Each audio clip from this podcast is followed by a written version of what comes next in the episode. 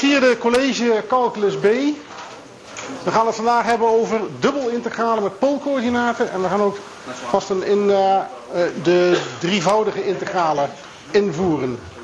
Uh, ik heb mijn, aanwijs, mijn elektronische aanwijsstokje vergeten, dus ik moet het even met, met een muis doen. Oké, dan gaan we eerst maar eens, we gaan eerst die poolcoördinaten bekijken en dan gaan we eerst eenvoudige, in poolcoördinaten eenvoudig te beschrijven gebieden bekijken. Dat zijn de zogeheten polaire rechthoeken. Die zijn helemaal niet rechthoekig zoals je zult zien. Maar die kunnen met poolcoördinaten, dit zijn dan poolcoördinaten, ik er een theta schrijf bedoel ik steeds poolcoördinaten, worden beschreven met constante grenzen. Dus de straal loopt van een vast getal naar een ander vast getal. En de hoek doet dat ook. En uiteraard moet je dan bijvoorbeeld voor die a, die b positieve getalletjes nemen enzovoort. Maar voor de rest uh, is het gewoon uh, constant. Uh, we zullen even twee voorbeeldjes geven. Nou, dit is het makkelijkste voorbeeld, is een cirkel. Dat, die cirkel die is polair, is dat een rechthoek, aangezien je dus hier kunt zien dat alle punten een straal hebben tussen 0 en 1. En de hoek zit tussen 0 en 2 pi. En dat schrijf je dus ook gewoon zo op. Hè? Dus dan zeg je R zit tussen 0 en 1, loopt van 0 tot 1. En de hoek theta loopt van 0 tot 2 pi. Dat zijn vaste grenzen. En daarom is het een polaire rechthoek. Maar ja, het is een cirkel. Dus daar moet je maar even aan wennen. Um, dit gebied, dit ziet er natuurlijk ook niet uit als een rechthoek. Maar ook dat is een polaire rechthoek. In dit geval laat je R lopen van 1 tot 2. Je moet even de coördinaten op de x-as aflezen. En de hoek die loopt een halve cirkel. Er loopt een halve cirkel van 0 tot 180 graden. Dus van 0 tot pi. En dus ook hier zie je weer vaste grenzen en voor, voor R en theta. En het aardige is, als je dat, dat soort gebieden hebt, dan kun je de dubbelintegraal over dat zo'n gebied, dat gebied dat heet dan R, van een functie kun je beschrijven met een herhaalde integraal, waarin je poolcoördinaten gebruikt. En bij die poolcoördinaten komen dus dan vaste grenzen te staan. En dat is lekker makkelijk integreren. Dat is IE. Daarbij is het zo dat die, voor die functie, voor de coördinaten, moet je x en y vervangen door de poolcoördinatentransformatie. Die staat er al, r cosinus theta, r sinus theta. Dus op deze manier. En verder zit er een raar extra r'tje bij. En dat moet. Dat heeft te maken met het feit dat als je dus zo'n integraal gaat opstellen bij een Riemannsom, het hele verhaal staat in stoer netjes uitgelegd, en je gaat kijken naar de, de, verdeling in blokjes, die blokjes zijn dan natuurlijk niet rechthoekig, maar die zijn ook een beetje rond, dat die blokjes steeds groter worden naarmate je steeds verder van de oorsprong afkomt. En dat betekent dat je er op de een of andere manier rekening mee moet houden, en dat doet dus die extra factor R. En dat noemen we de Jacobiaan. Ja, dus bij iedere transformatie, een poolcoördinatentransformatie, is een speciale vorm van een coördinatie, co uh, transformatie, coördinatentransformatie. Uh, heb je zo'n Jacobiaan bij poolcoördinaten is dat gewoon het getal R. Oké? Verder is het zo dat in dit geval je de integratievolgorde mag verwisselen. Dus hier is de binnenintegraal over R en de buitenintegraal over theta. Maar hier, je mag die integratievolgorde verwisselen. Maar dan moet je natuurlijk wel opletten dat je ook de grenzen verwisselt. Hè? Dus dat, dat, uh, die horen bij elkaar, die dingen. De integrant, hè, datgene wat daartussen staat, dat verandert dan uiteraard niet.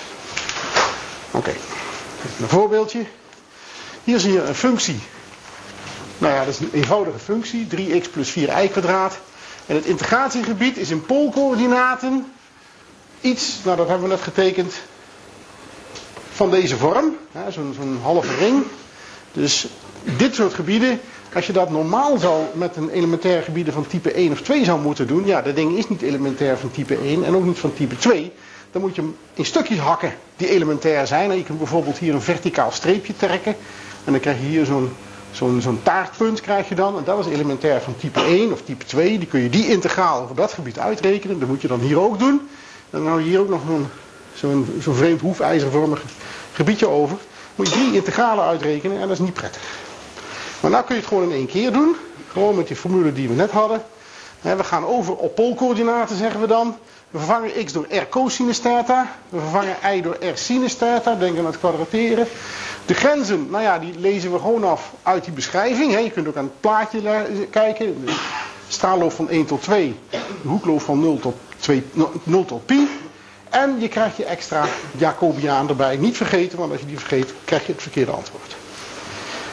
Bij de uh, uitwerkingen, nou ja, de uitwerkingen zijn een beetje, een beetje lastig, maar uiteindelijk kom je er wel uit. Maar dan heb je uh, de verdubbelingsformule nodig. Dat is deze formule, dat heb ik al eens voorgedaan. Dat komt eigenlijk van de stelling van Pythagoras. En de verdubbelingsformule voor de cosinus. Dus op die manier kun je dat, uh, gaan we dat straks gebruiken. Nou, de integraal die uh, herhaal ik even. Dat is dus deze integraal. Ja, dus, ja, de grenzen zijn vast. De integrant is nou een beetje een vies ding geworden. Maar dat is verder op zich niet echt uh, een bezwaar. Je werkt gewoon alle haakjes weg. Let erop dat je hier dan r kwadraat krijgt. Hè? r maal r. En hier wordt r al gekwadrateerd. Dus het komt r tot de derde te staan. Nou, dat moet je even goed schrijven. Nu kun je de zaak het beste even uh, een beetje, je, je, kunt het op twee manieren aanpakken. Je kunt meteen primitiveren. Uh, bijvoorbeeld, uh, ja, nou dat, dat, is hier gebeurd. Je kunt dus eigenlijk stukjes hakken, dat moet je zelf weten. Hier primitiveren we eerst naar r. Dat is het makkelijkste, want dan ben je daar maar vanaf. Dit is natuurlijk gewoon r tot de derde geprimitiveerd. En dit is r tot de vierde. En dan moet je de grenzen invullen voor r tussen 1 en 2. En die sinus en die cosinus, dat is allemaal dan ten opzichte van die r constant. Nou, dan vul je dat in en dan krijg je natuurlijk een beetje rottige formules, maar dan kun je weer vereenvoudigen. Nou, dan krijg je op die manier, hè, er staat 8 cosinus theta, min 1 cosinus theta, 7 cosinus theta. En hier staat weer die sinus kwadraat. En nu gaan we die verdubbelingsformule gebruiken. En dat ziet er dan zo uit. Nou ja, dit is natuurlijk een eenvoudig integraaltje, dat uh, kun je bijna uit je hoofd. Hè, dus uh, iets met sinus theta enzovoort. Invullen en een beetje netjes opschrijven. En dan krijg je het resultaat. Maar de truc is natuurlijk dat je dus hier overgaat op poolcoördinaten en dat die grenzen dus lekker makkelijk worden. En dat je de zaak dus niet hoeft op te delen in drie elementaire gebieden van type 1 of 2. Dat is het voordeel. Nou, gaan we even zelf oefenen.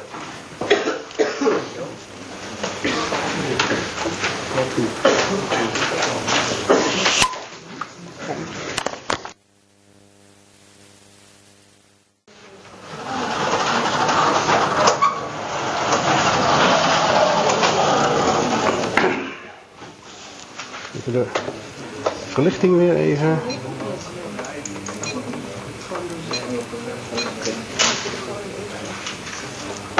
Ja? Is goed? Ja. Mooi. Nu gaan we de zaak een beetje moeilijker maken, want tot nu toe hadden we alleen maar gebieden die waren, zoals ik dan dat noemde, polair rechthoekig. Mensen mogen even een beetje rustig zijn. Ik ben weer begonnen. En het wordt opgenomen op video, dus uh, dat is heel erg uh, vervelend als mensen erin gaan kletsen.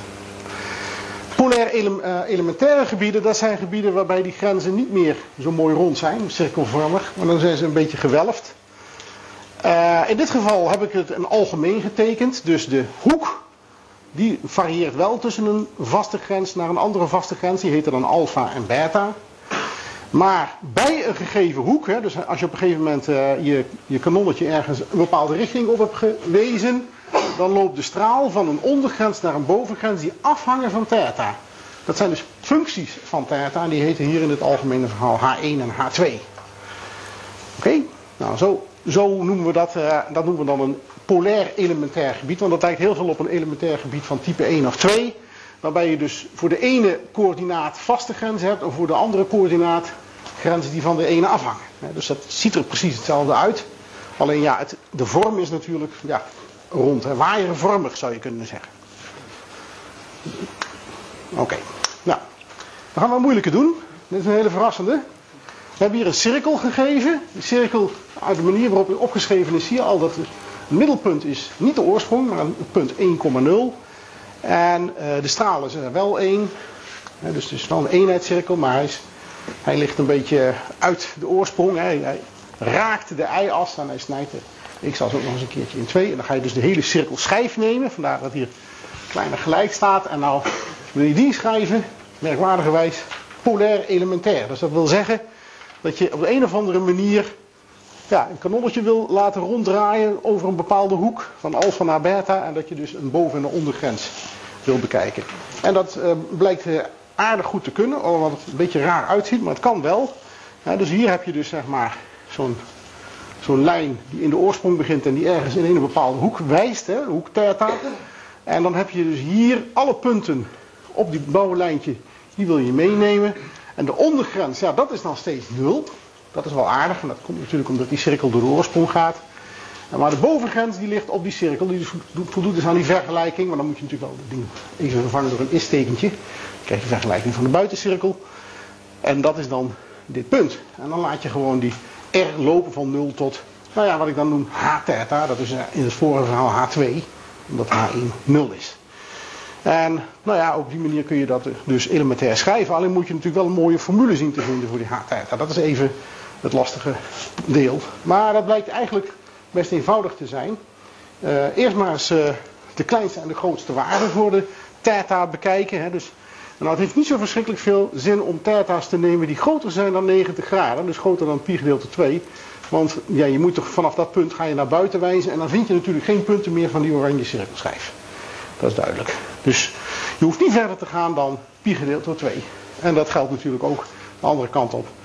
Je hoeft ook niet verder te gaan dan min pi gedeeld door 2. Dus dat zijn de onder- en de bovengrens. Dus als je dus je gebied elementair gaat beschrijven, dan heb je dus grenzen nodig voor de hoeken. Nou, die zijn min pi gedeeld door 2 en plus pi gedeeld door 2. Dus, nou ja, elementair geschreven is het dus zo. Hè. Dus theta zit tussen die twee grenzen in. En bij vaste theta zit er tussen 0 en, nou ja, die nog niet bekende functie h theta. Die moeten we nog even bepalen. Nou, op zich valt het mee om die te bepalen. Hier heb ik het nog maar even getekend. Ik heb een lijntje getekend. Hier een punt op de cirkel. De lengte van dat lijntje, dat is dus gewoon die h theta. Die moet ik gaan bepalen. En wat ik nu ga doen is dat ik gewoon wat hulplijntjes ga tekenen. Bijvoorbeeld het lijntje van 1 naar dat punt. En dat is natuurlijk ook een straal van de cirkel, is ook lengte 1. Ik ga hier een loodlijntje neerlaten op deze blauwe lijn. En dan krijg ik twee driehoeken, die zijn zoals het heet congruent, die zijn hetzelfde. En uh, ja, qua vorm, hè, dus dat betekent dat dit de helft van h theta is. En dat gaat me nou helpen, want dit is een rechthoekige driehoek waarvan ik deze zijde ken, is een half h theta. En deze zijde, dat is 1. En als ik het quotient neem, dan is het de cosinus. En dat staat precies hier. Hè. Dus cosinus theta is een half h theta gedeeld door 1. Maar ja, dat is dus gewoon een half h theta. En dat betekent dus, als ik links en rechts linker en rechterlid van deze vergelijking of gelijkheid vermenigvuldig met 2, dan krijg ik precies een formule voor h theta. Dus die h theta, dat is gewoon twee keer de cosinus van theta. Heel verrassend misschien, maar het is gewoon een cosinusfunctie. Nou, en dan heb je hem dus helemaal netjes opgeschreven op deze manier. Nou, dat is dus, uh, het is een lastig uh, oefeningetje, maar we hebben hem straks nodig bij een voorbeeldje. Dus onthoud hem even goed. Of als je hem hebt afgedrukt in de handout, let even op waar die staat. Goed. Nou gaan we even kijken hoe dat nou uh, werkt voor dubbelintegralen. Nou, stel nou dat je zo'n gebied D netjes polair elementair hebt geschreven. Tussen twee grenzen, in dit geval zijn het weer grenzen H1 en H2 van theta. Dus in het algemenere geval. Verder moet je even uitkijken dat beta, hier staat eigenlijk dat beta groter gelijk alfa is. Dat wil zeggen dat als je die, die, die draai gaat maken, dat je van een kleine naar een grote grens gaat. En verder moet beta min alfa ook niet meer zijn dan 2 pi. En dat zorgt ervoor dat je niet meer dan één keer ronddraait. Want als je dat gaat doen, dan ga je ook gebieden dubbel tellen. En dan kom je integraal niet meer goed uit. Dus dat zijn dan dingen waar je op moet letten. Maar in het algemeen, dat dat wel. Het is niet zo'n probleem om dat voor elkaar te krijgen. En verder moeten er natuurlijk allerlei voorwaarden voldaan zijn. Hier moet nog even het woordje en tussen, maar dat heb ik kennelijk vergeten.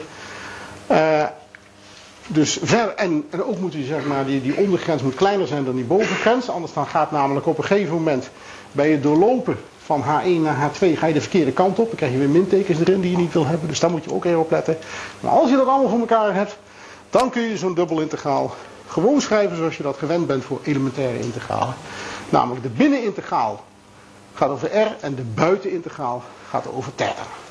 De, ook hier zit je weer met je Jacobiaan. Dacht dat ik daar weer een. Nee, heb ik niet. Een extra sheet voor gemaakt. Dus Jacobiaan niet vergeten. En je mag nu niet zomaar weer de grenzen verwisselen. Als je dat gaat doen, kom je natuurlijk in de problemen. Dat, is, dat heb je vaak met die elementaire gebieden, omdat er in die grenzen hier theta staan. En nou ben je wel verplicht om die R binnen te doen. Dus binnenintegraal is nu over R. Dat, dat moet dan. Dat kan niet anders. Oké, wat hebben we voor voorbeeld? Oh, dit is voorbeeld 4 uit het boek. Dat is een, een naar voorbeeld, een best een lastig voorbeeld.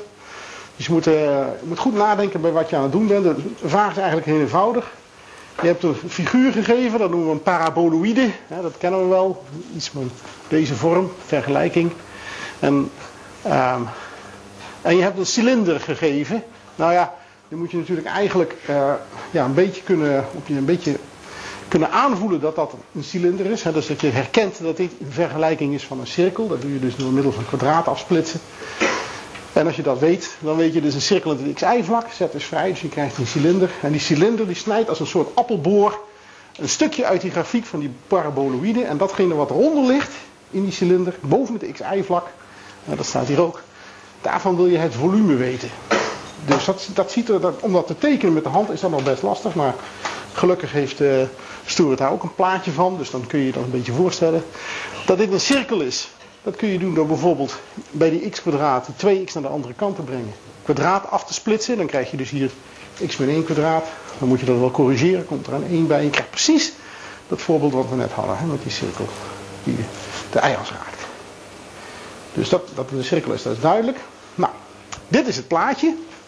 Hier zie je je paraboloïde. Zie je daar die kelk. Hij loopt natuurlijk oneindig ver door, maar dat is een beetje lastig tekenen. Hier heb je dat cirkeltje. dus deze cirkel, hetzelfde als deze cirkel. Met middelpunt 1, straal 1, raakt de y-as. En ja, het figuurtje wat daardoor uitgesneden, dat is dus omdat z vrij is een cilinder. Die snijdt ja, iets uit uit die. Uh, uit die paraboloïde, een ellips of een ellipsvormig gebied. En dat is een soort dekseltje waarvan je, waarvan je dus moet denken van nou dat is de bovenkant en dit is de onderkant en de cilinder is de zijwand. Dat gebied daarvan wil ik de inhoud hebben. Nou, dat is eigenlijk een heel eenvoudige vraag. Want je vraagt gewoon naar een integraal van een grafiek van een functie. Welke functie? Nou ja, die paraboloïde. Over welk gebied?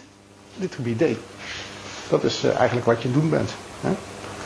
Dus, en dat is precies wat daar staat. Dus met andere woorden, wat je uit moet rekenen is de integraal van deze functie over die rare cirkel D. Maar D, ja, dat is nou helaas geen cirkel door, uh, met middelpunt oorsprong. Dus je kunt het niet makkelijk beschrijven met poolcoördinaten. Je hebt er een beetje een trucje voor nodig. Hebben we net gezien hoe we dat moeten doen. Dus dat gaan we dan allemaal even doen. Hè. Dus polair elementair gebied, we hebben dat net uitgewerkt. We gaan, we zien hier weer x kwadraat plus y kwadraat staan. Dan gaan we inwendig weer juichen, want dat is r kwadraat, lekker makkelijk. Voor de rest is het dan, als je overgaat op poolcoördinaten, gewoon invullen van wat daar staat. Bedenk dat de binnenintegraal over r moet zijn, dat kan niet anders. Die loopt van 0 tot 2 cosinus theta. Je ziet nou een theta in de bovengrens verschijnen. Je ziet een Jacobiaan, die, er, eh, ja, die hoort er nou ook eenmaal bij, kan niet anders. En de theta die loopt van min pi gedeeld tot plus pi gedeeld tot 2. En nou heb je de vraag eigenlijk al bijna opgelost van 90%, want dit is natuurlijk een hele flauwe integraal. Ik bedoel, kun je zo oplossen. Nou, dat valt nog wel tegen. Moet het is een beetje, een beetje rotwerkje. Ja, dus is veel wit. Komt helemaal vol te staan met formules. Ja, en dat komt omdat hier R tot de derde staat. Dan krijg je hier R tot de vierde, een kwart R tot de vierde. En je moet invullen cosinus theta. Dus dan krijg je een vierde macht van een cosinus. En dat voorspelt niet veel goeds, want dat betekent dus dat je weer moet gaan uh, gebruik maken van die verdubbelingsformules, maar dan twee keer. Dus dat worden ja, lastige integralen, kun je niks aan doen. Dus bijvoorbeeld één keer die verdubbelingsformule gebruiken. Dus 1 plus cosinus 2 theta gedeeld door 2, dat is de cosinus kwadraat. Maar er komt nog een kwadraatje bij. Pas halverwege, vierde macht is twee keer kwadrateren. Dus uh, nou, dan moet je hier de haakjes gaan wegwerken. Nou, het is even een rotwerkje, maar dan krijg je dus deze uitdrukking. Ja? En dan krijg je hier, hier krijg je dus ergens te staan, de kwadraat van cosinus 2 theta. En dan moet je dus weer die verdubbelingsformule toepassen. En dat is dus een half maal 1 plus cosinus 4 theta. Nou, dus, uh, dat is, dit is echt uh, even voor, uh, voor de volhouders. Maar op zich is het allemaal goed te doen. Hè. Als je die formule toen netjes toepast, kom je wel op een resultaat uit. Het is natuurlijk ook een kwestie van netjes werken. Hè. Als, je, als je dat niet goed doet, dan maak je foutjes dan gaat het mis. Maar uiteindelijk is het gewoon een kwestie van primitiveren. Hè. Dit wordt iets van een sinus 2 theta met constanten. En dit wordt iets met een sinus van 4 theta moet je natuurlijk met de kettingregel allemaal goed doen. En invullen, goed nadenken wat er staat. Hè. 2 keer pi gedeeld door 2, de sinus van pi is 0, dat soort dingen, dat moet je er allemaal in proppen uiteindelijk. Kom je natuurlijk op een resultaat. Dit is het resultaat. Ja, maar uiteindelijk heb je de zaak vrijwel opgelost op het moment dat je deze integraal hebt opgeschreven. Want dan is het verder te doen. Goed. Ander voorbeeld staat ook in het boek. Daar staat bereken de oppervlakte van een gebied D, dat wordt omsloten door één lus van de kromme R cosinus 2 theta. Nou, dit zijn altijd lastige dingen, maar je moet eerst nadenken, wat bedoelen ze nou in godsnaam mee? Hè? Een lus van de kromme R is cosinus 2 theta. Nou, dan moet je natuurlijk bedenken dat hier eigenlijk poolcoördinaten staan. Hè? Dus het is een polaire kromme.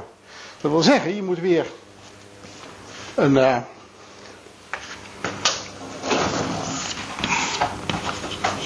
stokje nemen en die rond laten draaien. En bij iedere theta die je hebt, moet je een puntje zetten op afstand cosinus 2 theta. Zo. En als je al die puntjes gaat tekenen, dan krijg je een kromme en die moet je dan hebben.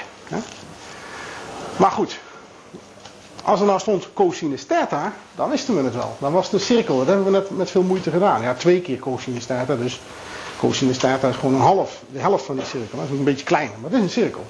Alleen die theta die gaat hier nou twee keer zo hard. En dat heeft een uh, dramatisch effect.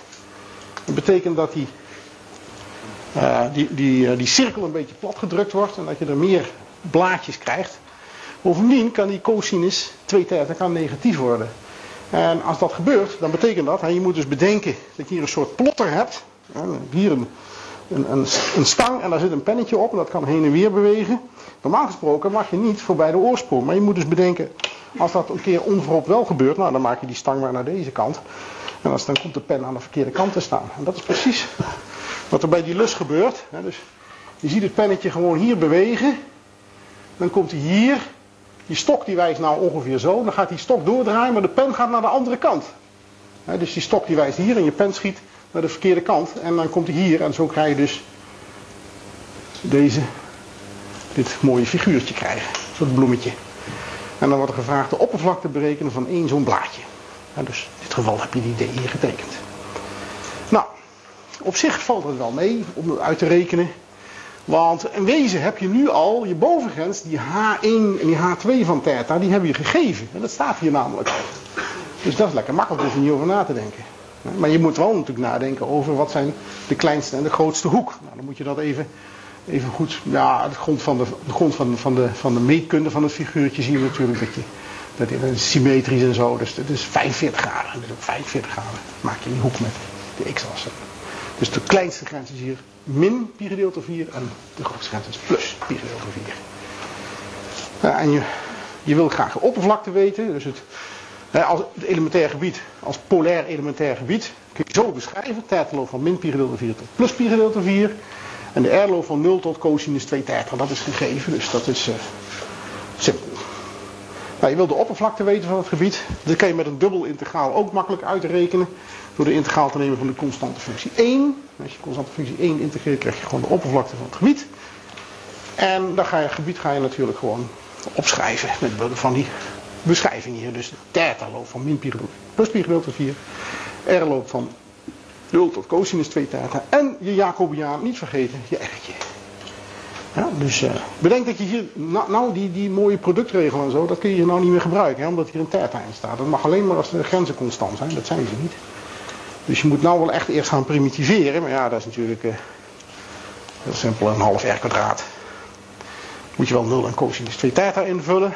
Dus je krijgt weer een kwadraat van een cosinus. Dus dan moet je weer die, die verdubbelingsformule moet je gebruiken. Om van die kwadraten af te komen. Dus dat ziet er dan zo uit. Hè? Er staat nog een halfje voor. Dus het moet een kwart worden. En dan krijg je hier 1 plus cosinus 4 theta. Maar dat is natuurlijk makkelijker. Die is met theta en sinus van theta. Wel weer even vanwege de kettingregel hier een kwart neerschrijven. En dan invullen en uitrekenen. Dus een achtste pi. En dat is dus zeg maar de oppervlakte van één zo'n bloemblaadje. Dus ook hier is het belangrijk dat je de goede stappen doet. Het zijn allemaal kleine stapjes die je moet maken. Eerst bedenken dat het polair elementair geschreven moet worden. Dus in deze vorm nadenken over wat de kleinste en de grootste grens van je hoek zijn.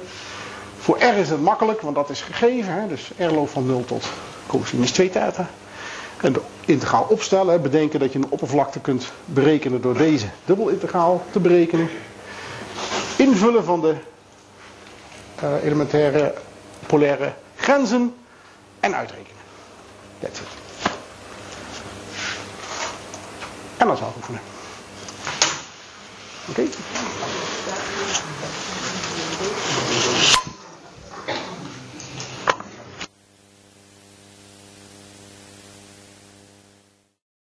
Even kijken. Zwart scherm. Licht. Is goed. En we gaan uh, drievoudige integralen bekijken. Uh, bij drievoudige integralen, dat, dat zijn dus lastige dingen. Want de grafieken, je kan er geen grafiek van tekenen. Hè. Een grafiek zou een vierdimensionaal object zijn, of een object in een vierdimensionale ruimte. Dus je moet er daar iets anders tegenaan kijken. je moet dus bedenken dat je een integratiegebied hebt. Ik heb hier nou een gebiedje getekend, dat is wat we dan noemen blokvormig. En uh, de functie, die, die, kun je dus nou niet meer als grafiek tekenen. Je moet je dus voorstellen dat je een of andere temperatuurverdeling hebt in de ruimte. Dus in ieder puntje in de ruimte is een getalletje toegekend. En dan moet je dus, ja, je kunt je voorstellen dat op bepaalde plekken het een beetje warmer is een, eh, op andere plekken. En zo kun je dus die functie dan wat voorstellen. Je kunt ook denken aan massadichtheid. Dat is misschien ook een goede. Want dan ga je bijvoorbeeld de massa van zo'n blokje uitrekenen. Als de massadichtheid niet netjes constant homogeen is. Zo'n rechthoekig blok, dat noteren we ja, met grenzen voor x, y en z. De grenzen zijn in weer constant. dus die x varieert van a tot b. De y van de punten in het blokje varieert tussen van c tot d. En de z-coördinaat van r tot s. dus zo kun je dat dan zo'n blokje weergeven. dus je kunt hem ook weergeven als een Cartesisch product. Zo'n product van drie intervalletjes. Dat is gewoon eigenlijk wat hier staat. per definitie wat daar staat. Maar dit als je het zo opschrijft, dat is wat makkelijker lezen. Want hier zie je meteen wat de grenzen zijn waar je straks over moet gaan integreren. En hier, ja, dan moet je weer even, even zoeken. Hè, uh, welke lettertjes doen mee en welke niet en zo. Goed. Dan, hoe zit zo'n, dan zo'n integraal in elkaar? Nou, ik zal daar niet al te veel woorden aan vuil maken. Want dat gaat ongeveer op dezelfde manier als je functies van twee variabelen doet. Je integratiegebied uh, dat is dan in dit geval dit blokvormige gebied. Moet je dan weer in kleine stukjes hakken dus dat doe je dan door de integratie-intervalletjes, die je dan hier op de x, de y en de z-as hebt, in kleine stukjes te verdelen. En die, de, de, lengte van die stukjes die geef je dan uh, namen delta x, delta y en delta z. En daarna ga je dat hele blok, gewoon net als een, uh, als een stuk tahu, weet je, weet je, dat ken je wel, zo'n mooi tahu blok, een keer lekker makkelijk snijden. Gewoon de mes gewoon horizontaal, verticaal in de diepte in piepkleine blokjes snijden. En ieder blokje, die deelblokjes, die heten hier dan B, I, J, K. Je moet, hebt steeds drie indices nodig om een van die blokjes aan te wijzen. Ieder blokje heeft het volume, de inhoud delta x maal delta y maal delta z. En dat is wat we dan delta v noemen. Dat is gewoon de inhoud van een piepklein blokje. Oké. Nou, als je dan die functie even voorstelt als een massadichtheid. Dan ga je natuurlijk kijken naar de massa van zo'n klein blokje. En dan zeg je, nou ja, die functie daar die is min of meer constant. Als een blokje maar klein is, dan kun je dat wel voorstellen. Dat dat op die manier werkt. Dan kies je een punt in dat blokje. Dat ziet er heel eng uit, maar dat is weer zo'n strooipunt. En die sterretjes, dat zijn gewoon versieringjes om aan te geven dat je ze gekozen hebt. Zitten in dat kleine blokje ergens. Dan neem je de functiewaarde van, de massadichtheid van dat punt. Dan zeg je van, nou die neem ik voor het hele blokje. En dan vermenigvuldig ik hem met het volume van het blokje, delta V. Maar dan heb je het maar voor één blokje gedaan. Dus dan moet je die, al die blokjes, al die massaatjes bij elkaar optellen. Dus dan krijg je dit soort gruwelijke sommen. Dat zijn drievoudige sommen. Hè. Dat zijn sommen van sommen van sommen. Dus zowel de I, de J als de K die moeten uh, iets doorlopen. Hè. Dus uh, dat, is, dat, gaat, dat driedimensionaal. Dus dat wordt gewoon uh, alles drie keer. En dat doen we dan ook in Riemannsom. En dat is dan een benadering voor de massa van, van dat hele blok. En wat je dan gaat doen is daarna M, N en L. Het aantal punten, of een aantal eh, intervalletjes eh, waarin je die eh, deelintervalletjes, waarin je die grote intervallen hebt verdeeld. Nou, oneindig laten gaan. Dus steeds kleiner en kleiner werken. Piepkleinere blokjes nemen. En de limiet daarvan dat gebruik je dan als massa van het hele blokje. Zo kun je het dan hier opschrijven. Nou, dat noemen we dan als een drievoudige integraal. Is een drievoudige integraal. Dat is dan de limiet van zo'n Riemannsom. Maar dat werkt natuurlijk alleen maar als zo'n limiet bestaat. Als dat zo is, dan zeggen we dat de functie integreerbaar is over dat interval, over dat blok B. En uh, continue functies, daarvan kun je bewijzen dat die integreerbaar zijn. Maar het zijn niet de enige. Je hebt ook wel niet-continue functies die ook integreerbaar zijn. Als het maar niet al te woest is. Oké. Nou, dan hebben we ook een. We gaan er maar snel doorheen, want het werkt in wezen allemaal hetzelfde als voor dubbelintegralen. Je hebt een stelling van Fubini, hè, want die drievoudige integralen met limieten, zo rekenen we natuurlijk nooit drievoudige integralen uit. Dat kunnen we helemaal niet. Maar we kunnen natuurlijk wel herhaalde integralen uitrekenen. En dan krijg je dus bijvoorbeeld, net als bij herhaalde dubbelintegralen, krijg je hier een drievoudige integraal. Ook weer een binnenintegraal, wat ik dan noem een tussenintegraal en een buitenintegraal. En je ziet heel, de, de volgorde waarin dat gaat, dat hangt vanaf van de van de keuze. Hier laat je x van A naar B lopen, y loopt van C naar D en z loopt van R naar S. Maar je mag de integratie volgorde verwisselen. De stelling van Fubini zegt eigenlijk ook, je kan de integratievolgorde verwisselen, maar dat moet je dan wel zowel hier als daar op de goede manier doen. Het enige probleem is dat je hier wat meer mogelijkheden hebt. Er zijn zes manieren, hè, dus, uh, en dat gaan we natuurlijk niet allemaal opschrijven, want dan uh, is mijn scherm zo vol. Maar als je eenmaal snapt hoe dat werkt bij dubbelintegralen, snap je dat hier natuurlijk ook wel. Je kan dus bijvoorbeeld die twee omwisselen en je dx en y omwisselen. Maar je mag ook die buiten omwisselen als je dat wil. Maar dan moet je die en die omwisselen. Het spreekt allemaal voor zich. Oké. Ook hier werk je weer van binnen naar buiten. Dat is altijd. Dat blijft hetzelfde. En de stelling werkt uh, uh, zoals die daar geformuleerd staat voor continue functie. Maar dat is een beetje te strenge eis. Ook voor sommige niet-continue functie kun je dat die stelling wel gebruiken. Nou, hier hebben we een voorbeeld. Nou, drievoudig integraal. Je hebt hier een blok. Een blokvormig gebied. Je ziet meteen wat de grenzen zijn. Hè. X loopt van 0 tot 1, Y loopt van min 1 tot 2, Z loopt van 0 tot 3. Je hebt een of andere functie. Een massadichtheid of zoiets. En je wil weten wat de totale massa van dat blok is. Nou, dan kijk je. Uh, dat, dat is dan deze drievoudige integraal. En dan gebruik je die stelling van Fubini. Ook niet te hard. En dan in een volgorde, in dit geval doet de volgorde er niet zoveel toe. Maakt allemaal niet zoveel uit. Dus hier dx, dy, dz. Voor x neem ik de grens 0 tot 1, dat lees ik hier af. y neem ik de grens min 1 tot 2, lees ik hier af. z neem ik de grens 0 tot 3, lees ik hier af. Moet gewoon eventjes goed kijken waar alles staat en netjes noteren en goed boekhouden. Nou, dan ga je van binnen naar buiten integreren. Dat gaat altijd van binnen naar buiten. Dus je begint met deze functie te primitiveren over x. En dan doe je y en z kwadraat, die blijven dan constant. Hè? Dus je doet net alsof ze constant zijn. En dan krijg je natuurlijk als primitieve voor x een half x kwadraat. hier een half x kwadraat. Die y en die z kwadraat die laat je vrolijk staan. Hè. Dat zijn dan constanten, dus die veranderen niet. En om aan te geven dat je voor x 0 en 1 moet, voor x 0 en 1 moet invullen, schrijf ik dat er hier nog een keer extra bij. Maar dat is alleen maar voor de versiering. Hè, dat je even goed oplet en niet de verkeerde dingen invult. Die y en die z kwadraat, die laat je natuurlijk vrolijk staan. Daar kun je niks aan doen. Dus ik vul weer in, x is 1, dan krijg je een half. x is 0, dan krijg je 0. En het resultaat is een half iz kwadraat. Hè? Dus die iz kwadraat moet je steeds als constante opvatten en meenemen. Dus dan krijg je hier een half iz kwadraat. Hier staat weer een gewone dubbelintegraal. Dus nou ja, dat, dat kun je dan natuurlijk onderhand wel. Die half kan ervoor. Primitiveren naar i, dat wordt een half i kwadraat. Nou, dat is in het boek hebben ze die een half je half er nog binnen gehouden, maar in principe mag je die er ook voorzetten als je dat wil, voor de integraal. En dan krijg je deze. En dan verder afmaken met peper en zout. En dan komt er een getalletje uit. Maar het principe is hopelijk duidelijk. Zo'n herhaalde integraal. Kijk, als je iets twee keer kan, kan je het ook drie keer. Dat is niet zo moeilijk. Goed. Nou, rekenregels. Nou, ik ga ze maar allemaal niet opnoemen. Onderhand uh, ken je ze wel, hè? De somregel en de verschilregel. Een constante mag je ervoor halen. Deze misschien wel aardig. De constante functie 1 integreren. Dan krijg je dus de, het volume van het gebied B. Hè, dus niet bij een dubbel integraal krijg je oppervlakte. Hier krijg je volumes. En een blokje in twee stukken hakken. En per blokje integreren is soms ook handig. Allemaal geen probleem. Ja? Nou, Ook een productregel heb je hier. Die productregel die heb je in meerdere varianten. En hij kan ook op meerdere vormen aannemen, omdat er nou eenmaal meerdere mogelijkheden zijn. Het is allemaal driedimensionaal. Dit is een variant, de andere varianten zal ik zo even noemen. Stel dat je je functie f kan schrijven als een product van een functie van x en een of andere woeste uitdrukking in y en z. Dan mag je die integraal, die drievoudige integraal, die drie, eh, mag je splitsen in een integraal over g en de dubbelintegraal over iz.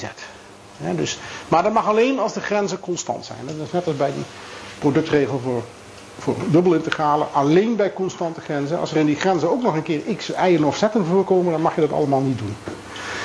Nou ja, goed. Deze kan je misschien ook nog wel splitsen, maar misschien ook niet. dat hoeft niet. Dus, uh, nou ja, goed, dit kan je alvast helpen. Hè. Als, stel die gx 1 is of zo en dit 0 tot 2 pi, dat zul je heel vaak zien. Hè. Die, die, die theta die uh, in, bij poolcoördinaten, bij bolcoördinaten gaan we straks doen. Die kun je er meestal in het begin al helemaal voorhalen. Het scheelt wat schrijfwerk.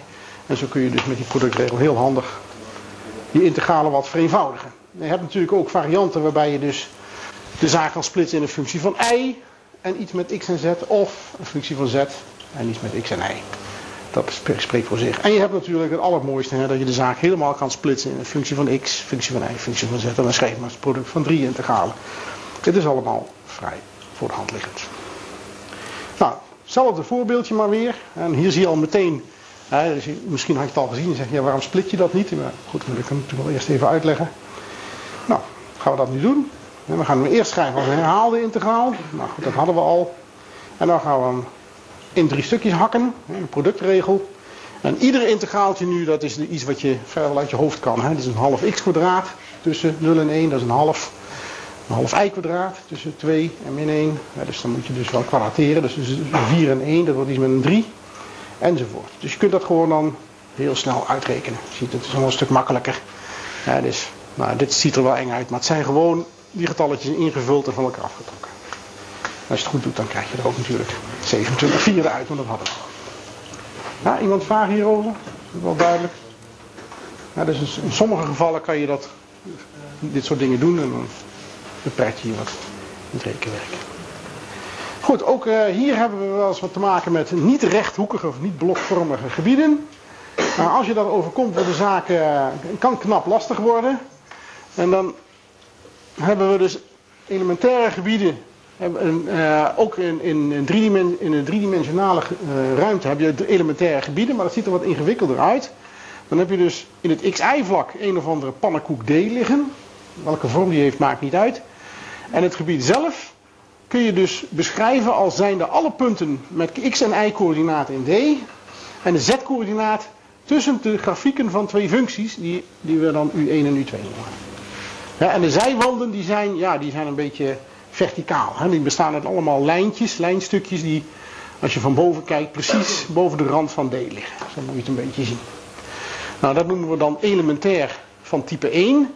En dat kun je dus ja, op dezelfde manier omschrijven als bij andere elementaire gebieden. Je hebt dus je coördinaten x, en z. X en y liggen in je pannenkoek. Dat staat hier. En de z-coördinaat die zitten tussen dingen die afhangen van zowel x als y. Ja, dus dat zijn van, ja, van dit soort uh, gebiedjes. Over dit gebied U1. Dan uh, gebruik je natuurlijk, en heb je een stelling nodig die een verband aanbrengt tussen die elementaire gebieden en de integraal over zo'n gebied. Dat, is, dat ziet er ongeveer op dezelfde manier als met die, met die uh, dubbelintegralen, je drievoudige integraal over een functie. Dat denk aan de massadichtheid, is het makkelijkste steeds. Daarvoor moet je de binnenintegraal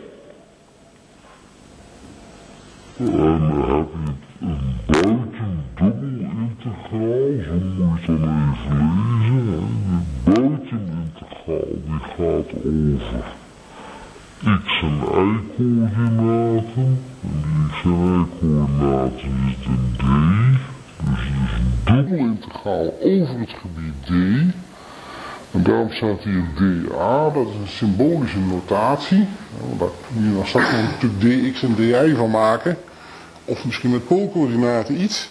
Maar de binnenintegraal, die doe je dus als eerste Daarbij loopt z tussen u1 en u2 en die komt dan in de grenzen terecht. En voor de rest is het natuurlijk gewoon deze functie. Die schrijf je gewoon over. Dat, kan, dat, dat verandert niet zoveel? Nou, rekenregels, die hebben we net gezien, die gelden in principe voor blokvormige gebieden. Die gelden ook voor dit soort type, dit type gebieden, die elementaire gebieden. En wat staat hier nog even in het rood? Behalve de productregel. Geldt alleen maar voor blokvormige gebieden. Dus alleen als de grenzen constant zijn, dan mag je zo'n integraal op zo'n bijzondere manier uit elkaar trekken. Maar anders mag dat dus niet. Hier kan dat niet. Oké. Nou, voorbeeld. Je hebt hier een gebied E. En dat is een beetje ingewikkeld. Het wordt omschreven met behulp van de zijvlakken. En de zijvlakken, dat is het vlak x is 0, dat is dus het IZ-vlak. Het vlak y is 0, dat is het xz-vlak. En het vlak z is 0, dat is het xy-vlak. Dus je hebt een, drie vlakken. En dan heb je nog een vierde vlak, dat is het vlak x plus y plus z is 1. Die ligt een beetje schuin. En die vier vlakken die vormen samen een, ja, een piramidevormig gebied. Dat ziet er dan zo uit. je moet dus bedenken dat achter het gebied, dus het, gebied uh, heeft vier zijvlakken, maar het heeft ook uh, zes ribben. Die ribben zijn deze, deze, deze, deze, deze, deze. Ja, het is dus echt een soort, soort, uh, soort, rare piramide met twee verticale wandjes. En over dat gebied, van dat gebied uh, heb ik dus een of andere functie. Die functie is ook nog eens een keer z. En die functie die wil ik integreren over dat gebied. En dat gebied is elementair van type 1. Je kunt het beschrijven als een gebied dat tussen een vlak U1, een ondervlak en een bovenvlak U2 ligt. En U1 is in dit geval het xy-vlak, dus dan kun je gewoon kiezen U1 is 0. Dat is zeg maar uh, dit driehoekje. Zo. En het bovenvlak dat wordt gegeven door dit vlak. En dat is het vlak z is 1 min x min y. En dan vraag je misschien af hoe kom je aan die vergelijking. Nou dat is gewoon deze, dat is hetzelfde. Maar als je x en y naar de andere kant van het is-tekentje brengt, dan staat er z is 1 min x min y. Dan krijg je precies dit en dus wat ga je dan doen? Dan ga je dus over het grondvlak, dat is dit vlak. Dat is ook meteen je D. Gebied D. Dat is nou niet pannenkoekvormig, maar driehoekig ga je dus integreren waarbij je z laat lopen van 0 tot 1 min x min y. Dus dat heb ik. Wat is ook nog getekend? Nee, ja, hier. Uh, nee, sorry. Dit is het grondvlak. Hè? Dus, dit is dit driehoekje, dat is hetzelfde als dit driehoekje. En dat is weer elementair van type 1. Of van type 2 ook, maar gebruik hem als elementair van type 1. Waarbij ik dus x laat lopen van 0 tot 1 en y laat ik wandelen van 0 tot 1 min x. En dan moet je natuurlijk wel bedenken dat dit de vergelijking y is 1 min x is. En die krijg je ook makkelijk, want dan moet je gewoon in deze vergelijking uh, z is 0 invullen. Dan krijg je, dan, dan krijg je de vergelijking van deze lijn. En dat is dus die lijn. Oké? Dus een lang verhaal, maar op een gegeven moment krijg je dus deze integraal eruit. Dan gaan we hem dus opstellen als integraal. dus in, even eerst in, in, twee stapjes. Dus het grondgebied, dat is dat driehoekje, dat roze, driehoekje. D, dubbel integraal. Integraal over A. En Z loopt van 0 tot 1 min x min y. Dus de integraal gaat over de functie z. Oké, nu ga ik die integraal over d ga ik ook nog even herschrijven, want dat was elementair van type 1. Dus die kan ik weer schrijven als een integraal over dx en dy. Ja, waarbij ik x laat lopen van 0 tot 1, die komt dus aan de buitenkant. En y die loopt van 0 tot 1 min x. Dat komt van de binnenkant. Maar deze, dat is de echte binnenintegraal, die blijft binnen. Maar die kan natuurlijk niet weer gaan verwisselen. Nou, en dan ga je weer van binnen naar buiten integreren, dat is niet zo moeilijk.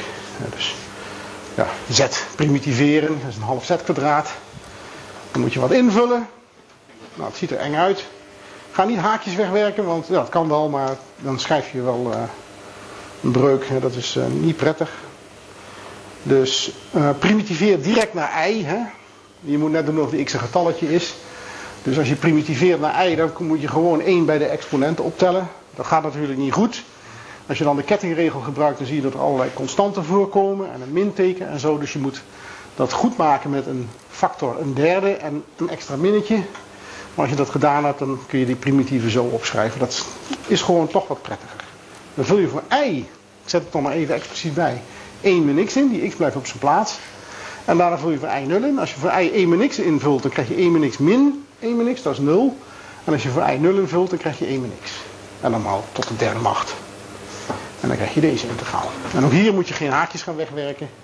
Maar gewoon er 1 min x tot de vierde van maken.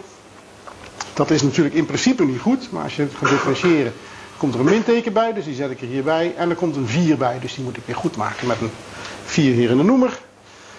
En dan, uh, nou ja, de rest kun je natuurlijk wel voor de 24 staan. Ja? Het kan dus bijvoorbeeld voorkomen dat je de eerste integraal niet kunt uitwerken. Dat je daarna zeg maar, een dubbel integraal overhoudt waar je wel een productregel op kan toepassen. Omdat het een vierkant grondvlak is. Ja, dus de, uh, ik moet de vraag even herhalen, anders dan, dan horen ze de microfoon niet. Dus de vraag is uh, of je de, de, als ik het goed onthouden heb, uh, of je de, deze integraal kan splitsen in sommige gevallen als d bijvoorbeeld een rechthoek is. Ja, dat kan. Maar dan moet die d dus een rechthoek zijn, maar dan moet ook deze functie, die je dan, die, als je deze binnenintegraal hebt uitgerekend, deze, die moet je ook kunnen schrijven als een product van x en y. Van een functie van x maal een functie van y. Als dat voorkomt op deze plaats, dus stel dat hier een getalletje komt en hier staat iets met van x maal een functie van y, dan mag je hem inderdaad splitsen. Dat maakt niet uit. Kijk, op, sowieso op het moment dat je hier bent aangeland, kun je rustig vergeten dat je ooit begonnen was met een drievoudige integraal. dus op dat moment zeg je van ja, dit is gewoon een, een dubbel integraal. Of een herhaalde integraal. En die reken ik gewoon met de technieken uit die ik al gehad heb. Ik mag zelfs, als ik dat zou willen, op dit moment overgaan naar poolcoördinaten. Heeft hier niet zoveel zin natuurlijk, want het gebied is niet rond. Maar als je dat zou willen, en dan zullen we straks ook wel voorbeelden van zien, dan kun je dat rustig doen op dit moment. dat heeft verder geen invloed op wat er eerst geweest is. Ja? ja? Dus, uh, even kijken. Waarom maak ik van die min 1 zesde een zesde is de vraag. Dat komt dan als ik 1 min x invul voor dan komt er 0 uit. En dan moet ik van aftrekken uh, datgene wat er gebeurt als ik 0 invul. Dus ik moet het er van aftrekken. Maar er staat nog een minnetje en daarom is het plus. Oké. Nou. We hadden gebieden van elementair van type 1. En dan had je natuurlijk ook wel verwacht dat er zal ook wel een elementair gebied van type 2 zijn. En die is er ook. En er is zelfs een elementair gebied van type 2. Het, het werkt in principe op dezelfde manier. Alleen zijn er de rollen van de x en de y en de z door elkaar gehusseld. Dus een elementair gebied van type 2, daar zit dat pannenkoekje, dat zit in het IZ-vlak. En de grafiekjes, de onder- en het bovenvlakje, die zitten dan hier en dat zijn dingen waarbij x, de x, kijk maar even naar de x-coördinaat kijken. De x varieert nou van dat ene naar het andere. Uh, dat vlakje en die vlakjes, dat zijn, ja, die heten dan weer U1 en U2. Maar die hangen nu van y en z af. Maar voor de rest is alles gewoon hetzelfde. dus als je naar de integraal kijkt, dan zie je gewoon de binnenintegraal is nu over x. En de buitenintegraal, die gaat dan in het IZ-vlak. Nou, dat is dus een integraal over IZ. En dan heb je hier een elementair gebied van type 3. Nou ja, drie keer raden, dat is het laatste. Hè? Meer mogelijkheden zijn er niet. En uh, op die manier heb je dus drie manieren om ja, niet blokvormige gebieden in de R3 te, te integreren. Nou, hier heb je een voorbeeld van hoe je dat aan kan pakken. Hier heb je dus uh, het gebied E heeft zijvlakken i is x kwadraat plus z kwadraat. Dat is dus een paraboloïde, maar dan moet je wel even opletten dat de symmetrieas, de draaias van de, van de paraboloïde, dat is in het geval de y-as. Dat is moeilijk te maken. En het vlak y is 4, dat is dus een vlak evenwijdig met het xy-vlak. Dat is een ander zijvlak van het gebied. Dus dat ziet er dan zo uit. je hebt dus een of andere paraboloïde. Nou, een stukje ervan. En je hebt een cirkelschijfje. En die zit hier. Dus dit is het vlak y is 4. En dan heb je hier dus zeg maar je, je je gebied. En dat is dus elementair van type 3 in dit geval. Nou, voor het opstellen van de integraal moet je dus bedenken dat je een grondvlak nodig hebt. Dat krijg je dus, kun je bijvoorbeeld krijgen door dit ding te gaan uh, projecteren op het, X, op het XZ-vlak in dit geval. Dat ziet er dan zo uit. Dan krijg je hier een cirkel met straal 2. Ja, dus deze cirkel is dat. Uh, in het XZ-vlak, dus de, de, vergelijking is x kwadraat plus z kwadraat is 4. Dus je kunt het aan de as aflezen. Dat is een x, dat is een z. Nee, andersom. En dat betekent dus dat je d dus zo kan omschrijven. Officieel zou je die 0 moeten weglaten, maar we hebben dat al eens over gehad. Daar doen we nooit moeilijk over, over dat soort dingen. Nou, dat, het ondervlak, hè, zeg maar wat we vroeger U1 noemden, oh dat heet nou ook U1. Dat is zeg maar die paraboloïde geworden. Dan haal je uit het plaatje, als je dat op een andere manier moet proberen, algebraisch of zo, dat is dat lastig. Nou, die vergelijking daarvan, die heb je al gegeven, die staat daar, dus dat kunnen we zo opschrijven. Bovenvlak is ook heel makkelijk. Dat is U2. Nou, dat is vlak. I is 4, dus dat is deze functie. Als functies van x en z. Nou, en dan gaan we die functie integreren. Dus je integreert over het domein, hè? pannenkoek, D, in dit geval de cirkel. De, de y-coördinaat, die varieert nou van paraboloïde naar dekseltje, hè, dat vlakke dekseltje. En de functie, ja, die functie die, uh, die staat er, die moet je gewoon overschrijven. Daar kun je er verder niks aan doen. Oké. Nou, dan gaan we dus die binnenintegraal uitrekenen. We laten die buitenintegraal expres even onbepaald. Daar gaan we nog niet mee verder. Dat, kan, dat kun je uitschrijven als je dat wil, maar dat doen we niet. Dat heeft een reden, zullen we zo zien. Dus die binnenintegraal is niet zo moeilijk. Hè? Dat is, hier staat di, maar hier staat helemaal geen i in. Dus de primitieve van, dat is gewoon dat ding maal i. Nou, dan moet je die grenzen invullen. Hè? Deze grenzen invullen, van elkaar aftrekken. Maar dan moet je dus wel bedenken dat je i die twee grenzen moet invullen. Hè? Dus het ziet er een beetje eng uit, dan krijg je deze uitdrukking. Nou, en hier moet je nou even naar gaan kijken, want je moet bedenken, die d is een cirkel in het xz-vlak. En hier staat x kwadraat plus z kwadraat en hier ook. Dus op dat moment moet je denken, ja, het zijn toch eigenlijk gewoon een soort poolcoördinaten. En dat zijn het ook. Dus wat ga je dan doen? Je gaat poolcoördinaten gebruiken. X is r cosinus theta en z is r sinus theta. Je mag het ook anders doen. Je mag ook zeggen, nou ja, in zo'n integraal die letters, dat zijn allemaal dummies. Ook die dubbelintegralen. Als ik nou die z gewoon vervang door een i, dan staat er weer gewoon een poolcoördinaten zoals ik ze ken. Nou, dat mag. Als je dat, uh, maar dat sommige mensen vinden dat eng, want die zeggen ja, maar daar staat al een i, maar dat is ook een dummy, dus nou ja. Maar goed, als je dat dus op die manier doet, dan weet je al dat hier r kwadraat staat. En hier staat gewoon r eigenlijk, hè, dus wortel uit r kwadraat. En als je poolcoördinaten gaat gebruiken, nou het gebied D is cirkelvormig, dus dan word je nog blijer van. Dus dat kun je. Is een polair rechthoekig gebied. Hè? Dus R loopt van 0 tot 2, dat was de straal van de cirkel. Theta gaat een keertje rond van 0 tot 2 pi. Hier vervang je dit door r kwadraat, deze door r. Ja, dat heb ik niet eens gedaan, maar even om duidelijk te maken dat je die gewoon overschrijft. En je Jacobiaan, niet vergeten. Hè? Dit is geen, die komt niet zomaar uit de lucht vallen, dat is een Jacobiaan. En dan ga je gewoon verder. En dit is natuurlijk gewoon ja, een flauw integraal. Deze kan ik weer in stukjes hakken. Hier hebben we weer zo'n voorbeeld waarin je op een gegeven moment zegt van nou, ik kan hem in stukjes hakken. Nou, doe je het. Dus dan zeg je oké, grenzen zijn constant. Hier staat een product van r. Een functie van r en een functie van theta. Ja, er staat eigenlijk geen theta in. Hè. Er staat eigenlijk een 1. Die schrijf ik soms niet eens op. Hier staat gewoon 2 pi.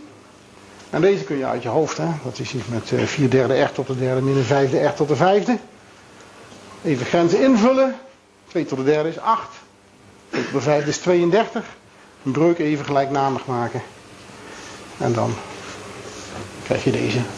Beetje woeste breuk, maar oké, dat is dan verder niet meer zo interessant. Het gaat om dat je de werkwijze snapt. Ik hoop dat uh, dat een beetje duidelijk is. Zijn er vragen over tot nu toe? Geen vragen? Gewoon veel doen. Een, het zijn lastige sommetjes. Uh, want uh, ja, omdat je vaak niet echt goed een plaatje bij kan tekenen. Dus je moet het een beetje op je gevoel doen vaak. Dat. Oké, dit zijn de sommen.